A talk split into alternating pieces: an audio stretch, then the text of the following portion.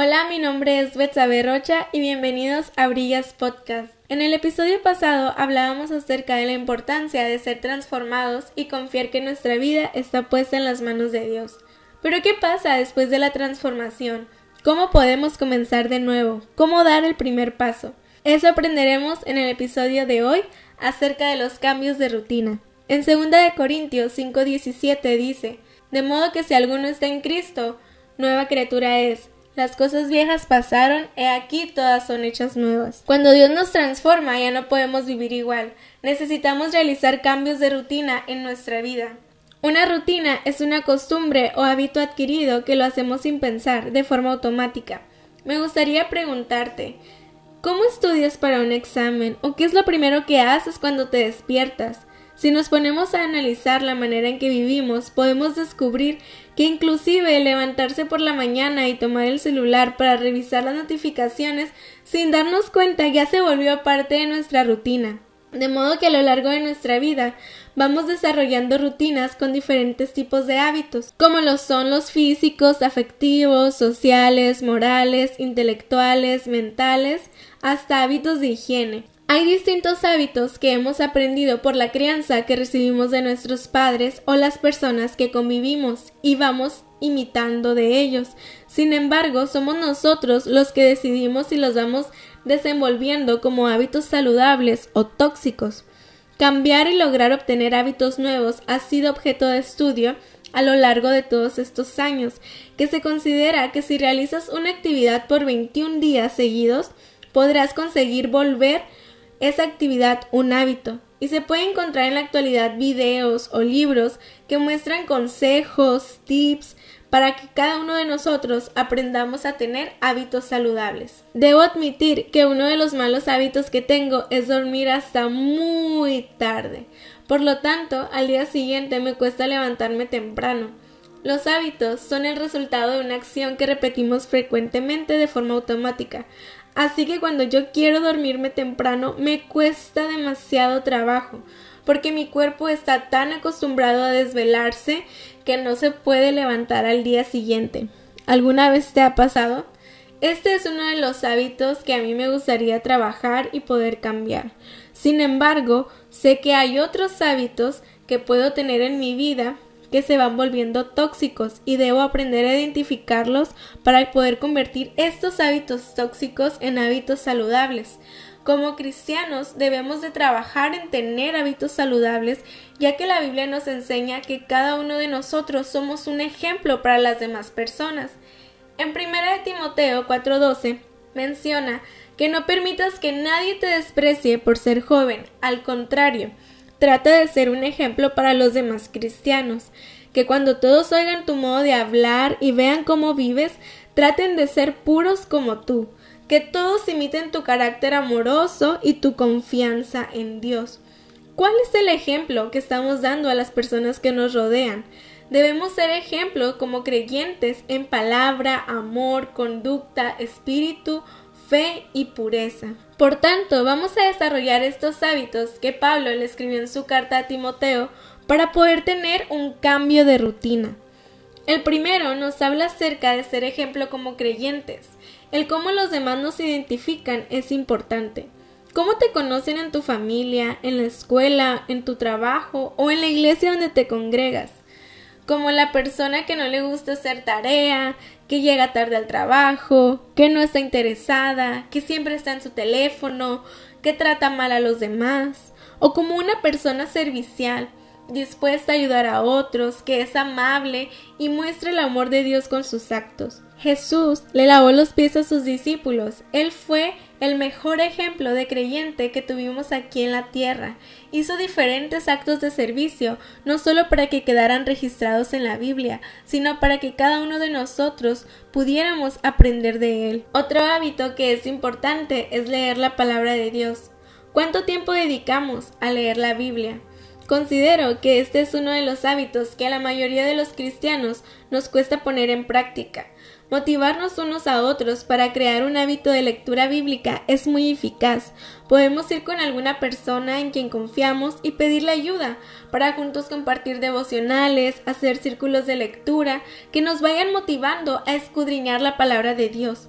Es necesario aprender a escuchar y poner en práctica lo que dice la Biblia, pues es la que nos alumbra a cada uno de nosotros nuestro camino y de esta manera cuando aprendemos, escudriñamos y tenemos la palabra de Dios guardada en nuestra mente y en nuestro corazón, podemos ayudar a otros a buscar la lumbrera que guíe su camino. El tercer hábito nos habla acerca de la conducta. ¿Cuál es tu comportamiento con las personas con las que te relacionas? ¿Te conocen por seguir a Jesús? Debemos ser sabios en cómo queremos dirigir nuestra vida. Cuando tenemos un comportamiento rebelde y necio, este nos lleva a tomar malas decisiones, a hacer cosas que nos lastiman físicamente o emocionalmente e incluso que van en contra de lo que Dios quiere para nuestra vida.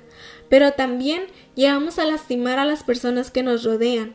En la Biblia encontramos distintos ejemplos acerca de vivir con una conducta recta.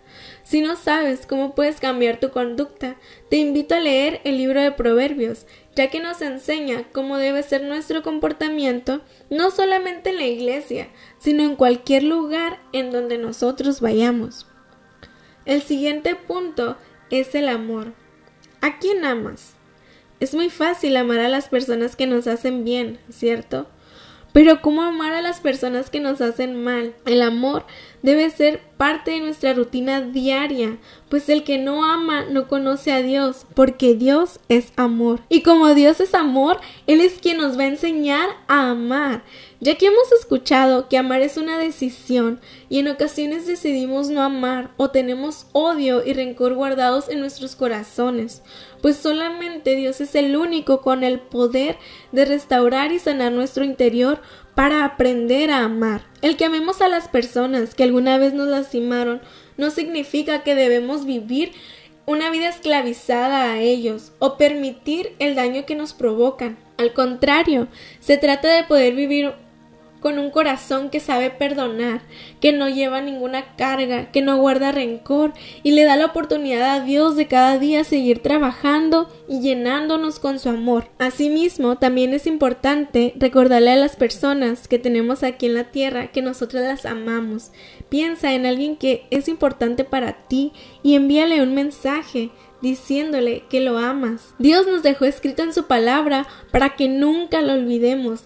Asimismo nosotros debemos de recordarle a los que tenemos aquí que los amamos para que tampoco lo olviden. ¿De qué está lleno tu espíritu? Ese es el siguiente punto. ¿Sabías que somos cuerpo, alma y espíritu? Por tanto, en cada área de nuestra vida tenemos necesidades que debemos aprender a satisfacer correctamente. En la actualidad, es más fácil llenar nuestro espíritu de series o películas, de juegos o de redes sociales.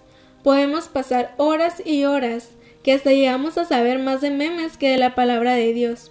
Debemos aprender que todo tiene límites y que nuestra rutina diaria debe incluir llenar y alimentar nuestro espíritu, pues es el que se conecta con el Espíritu Santo por medio de la comunión con Dios. La lectura de su palabra, escuchar alabanzas y adorar a Dios de esa manera vamos alimentando y llenamos nuestro espíritu. Preocupémonos por estar al día, por no olvidar conectar con Dios y no por tener todas las series y películas vistas ya en Netflix. El siguiente punto es la pureza.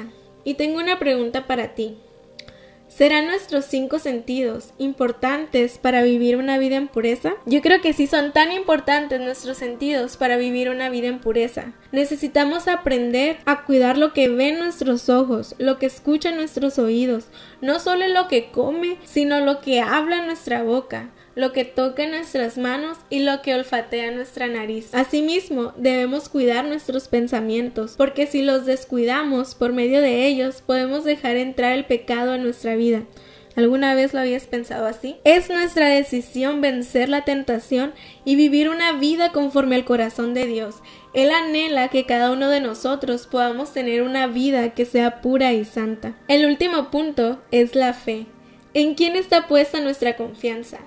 Considero que la fe es una pieza clave y fundamental en nuestra vida como cristianos. Es por la fe que podemos aferrarnos a nuestras creencias y convicciones.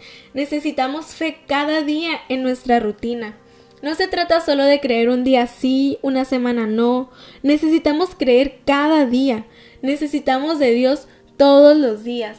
Vamos a cambiar de actitud no porque queremos agradar al hombre o mostrarle a los demás que somos mejores, sino porque buscamos la aprobación de nuestro Padre que está en los cielos. Habrá momentos en nuestra vida donde dudaremos, pero es gracias a la fe que creemos y debemos pedirle a Dios que aumente nuestra fe. No podemos conformarnos con lo que creemos ahora y con la fe que tenemos, sino que cada día debemos ir creciendo en fe.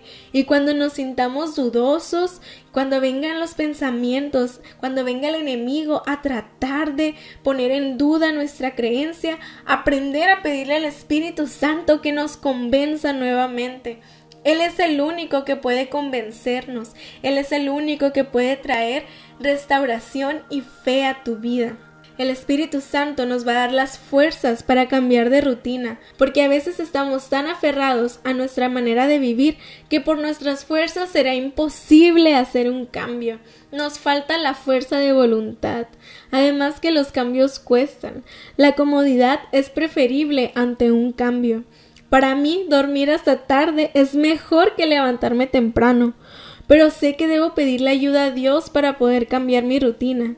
Y si tú has decidido realizar algún cambio de rutina, me gustaría saberlo para juntos poder orar y buscar la manera de ayudarnos. Por eso quiero invitarte a seguirnos por Instagram arroba brillas.podcast donde podemos estar en contacto. Si este episodio ha sido de bendición para tu vida, recuerda compartirlo con alguien más. Hasta la próxima, Dios te bendiga, te mando un abrazo enorme y recuerda que tú brillas.